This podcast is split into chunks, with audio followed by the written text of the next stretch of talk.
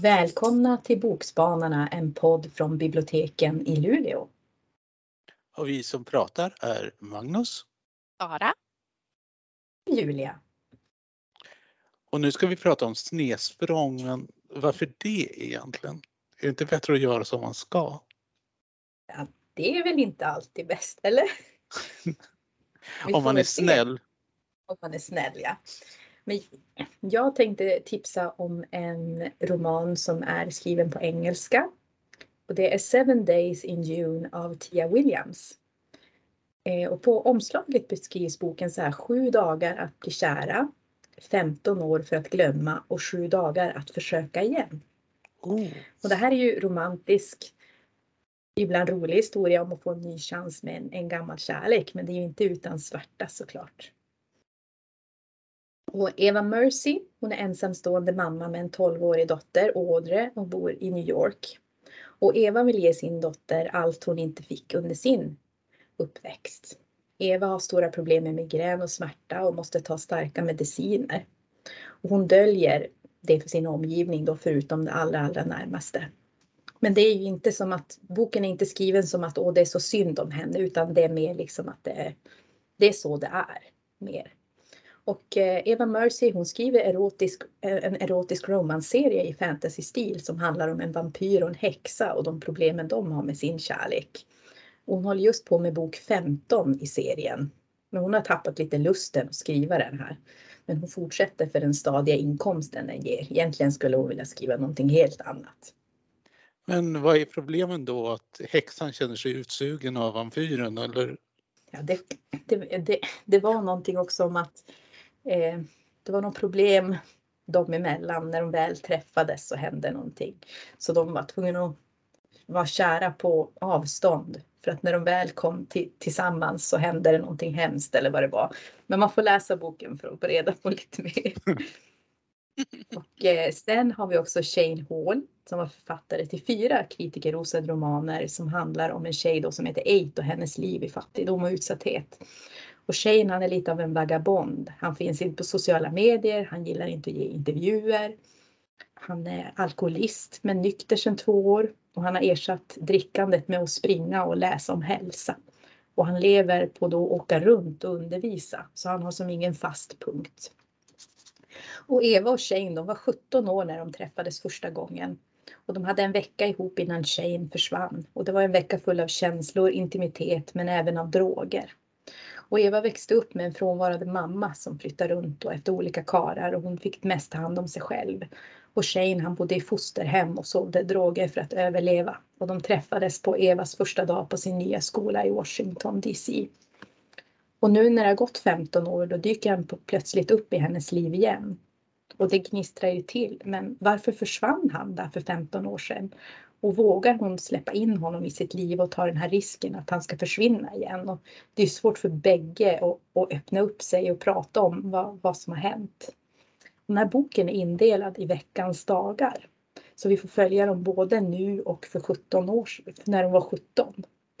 Så att eh, Seven Days in June passar ju också för att det är ju som sju dagar. Så får vi liksom måndag, tisdag, vi får följa dem både nu och tillbaka i tiden. Och vi får veta vad som hände liksom i delar allt eftersom det händer. Så det blir ju liksom en spänning i, i berättelsen. Grepp.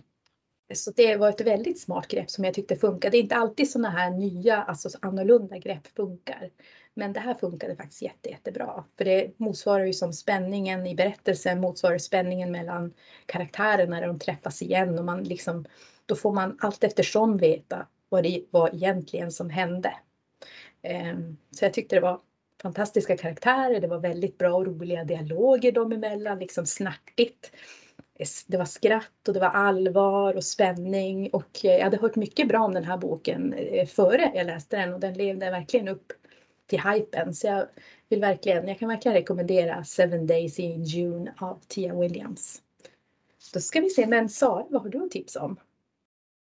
Eh, ja, jag har läst en riktigt mysig feelgood som heter Birdie Finchs nya liv av Lizzie Dent. Och hur kan det vara ett snedsprång tänker ni kanske när jag säger att jag har läst Feelgood? Jo, det är så att den här eh, huvudpersonen Birdie Finch, hon har det lite jobbigt på olika plan i livet. Hon har blivit arbetslös. Hon är väldigt vilsen och det är tur att hon har sin bästa vän Heather som låter henne sova på soffan. Och Heather råkar vara en eh, väldigt begåvad sommelier som sökte ett sommarjobb på ett nedgånget hotell i skotska höglandet. Vi kommer få veta varför en begåvad sommelier söker jobb på ett dåligt hotell sen såklart. Men hon vill i alla fall tacka nej till det här jobbet och resa till Paris med sin pojkvän istället. Och då tar vår hjältinna slash huvudperson en chans eh, eller ett snedsprång visar det sig Eh, att ta det här jobbet i Heathers ställe och i hennes namn. För hur svårt kan det vara att låtsas kunna vin och vara en annan person egentligen? Såklart ganska svårt. Eh, väl på plats visade det sig att det här nedgångna hotellet har renoverats. En stor stjärnkock har anställts, så det är inte alls något vanligt eh, litet sunkigt hotell på landet med tre sorter rött och tre sorter vitt vin. Nej då, källaren är full av viner och vinlistan är jättelång. Men Birdie kämpar på och hon är verkligen en så här härlig, strulig huvudperson med ett hjärta av guld. Hon får nya vänner, pluggar in den här vinlistan och börjar känna sig som hemma. Givetvis visar det sig att det finns en kökschef som är stilig, begåvad, snäll, lite, lite mystisk. Så Birdie faller såklart för honom fastän hon fortfarande har en strulig pojkvän. Och jag måste säga att det känns lite jobbigt ibland i sådana här böcker. För varför ska karaktärerna alltid dras med de mest idiotiska partners med allehanda liksom osympatiska drag? Jag vill ju att de ska säga tack och hej på sida tre eller inte hej alls från början. Men det är ju feelgood, så det är bara att gilla läget. Vi förstår ju såklart att allting kommer lösa sig med viss dramatik mot slutet. Och jag tyckte så mycket om den här boken. Det är en bok som du kryper ihop med under en filt med en kopp te eller något annat gott och bara myser. Det är nästan så att det läs, den läser sig själv. Det bara rullas upp som en romantisk feelgood i huvudet och jag tror att om du gillar Bridget Jones så kommer du gilla Birdie Finch.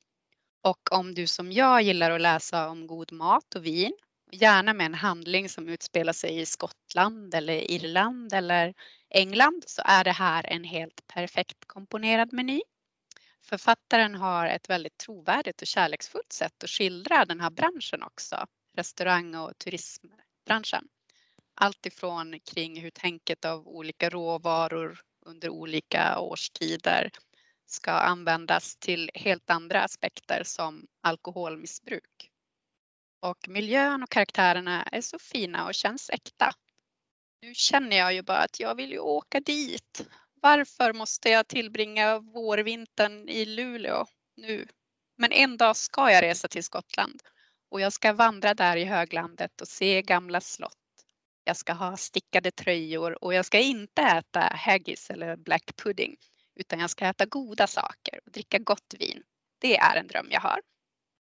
Och så drömmer jag också om och förutspår att det kommer att komma en ny bok av Lizzie Dent om inte allt för lång tid. Så känner jag. Vad har du läst Magnus? Ja, men först måste jag invända, jag säger bara isbanan. Hur kan någon säga nej till vårvintern i Luleå när man kan gå ut på isbanan i solen? Det ja. toppar allt.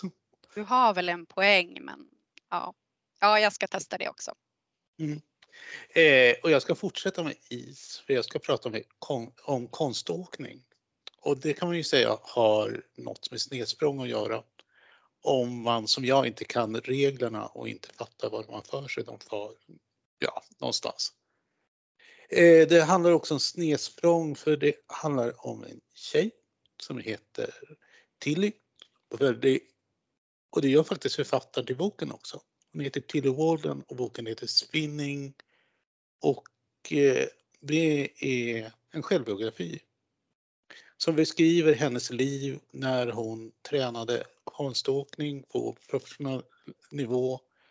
Och det gjorde hon under en, 18, eller en 10-årsperiod mellan 8 till 18 år. Man får följa henne hur hon eh, rör sig genom USA, hur hon bor på olika platser och hur märkligt monotont hennes liv är. Det är att gå upp innan det är ljust, ge sig iväg till ishallen, träna själv då fram till skolan börjar, före till skolan. När skolan tar slut så är det gruppträning och läxor och i säng. Och det gör alltså liksom det här till då i åtta år. Och när man läser på Goodread om den här eh, boken så eh, klagar de alltså på att det är ganska monoton och ganska långsam. Men jag känner att de minns, missar poängen. För om man verkligen läser den och när man börjar känna, herregud, ska hon göra det här igen? Gör hon inget annat än det här? Då är man alltså inne runt kärnan i boken. För vid 18 års ålder så dels börjar Tilly upptäcka att det finns andra intressen än konståkning. Hon börjar intressera sig för konst och så stöter hon på kärleken. Och med det här inrutade livet, det finns ju inte utrymme liksom för något annat än liksom den här träningen och vara bra. För så fort hon inte är bra så kommer hon ju bli fetad ur det här konståkningslaget. Och det är när hon liksom börjar säga ifrån som eh, problemen börjar. Och inte då från hennes sida utan liksom från de vuxna i hennes omgivning som vill att hon ska fortsätta vara instängd i den här disciplinen som hon upplever som mer och mer meningslös. Man kan inte prata, egentligen är en sån här bok slut därför man måste läsa den, alltså det är upplevelsen, resan, lättnaden liksom när helt plötsligt något annat strömmar in i det här ganska tomma, man kan till och med rent bokstavligt säga frysna livet. I och med att hon kanske åtta av dygnets eh, timmar befinner sig på is. Det som jag tycker är allra bäst om den, det är ju förstås teckningsstilen. Den är ritad med en sån här blå ton som ser ut som en sån här bläckpenna. Så man kan inbilla sig att man skulle kunna rita en liten gubbe själv. Så man kan delta i serien. Men det får man ju naturligtvis inte för det här är ju en biblioteksbok. Och det vet ju alla att man inte får rita i biblioteksböcker. Det lät ju verkligen som en eh, lågmäld bok men ändå med mycket, man får mycket till sig. Mm. Alltså den är väldigt lågmäld och just i seriesammanhang så har såna här böcker en tendens att försvinna i och med att eh, det känns som att seriemarknaden ganska mycket antingen är inriktad på medelålders människor som berättar då om alltså, när de är tonåringar, när de är 20 år. Eller liksom att det är 12-åriga pojkar och Marvel-stuket som gäller. Pow. Men när man kollar utlåning på, på den, alltså den har inte dålig utlåning för att vara engelsk serie. Utan, och det gläder mig att den hittar sina läsare. Roligt. Det låter som en mm. jättebra bok. Det är den. Härligt, men då kan jag berätta att jag tipsade om Seven Days in June av Tia Williams. Och jag tipsade om Birdie Finchs nya liv av Lizzie Dent. Och jag eh, tipsade om Spinning av Tilly Walden. Ja, tack så mycket för idag.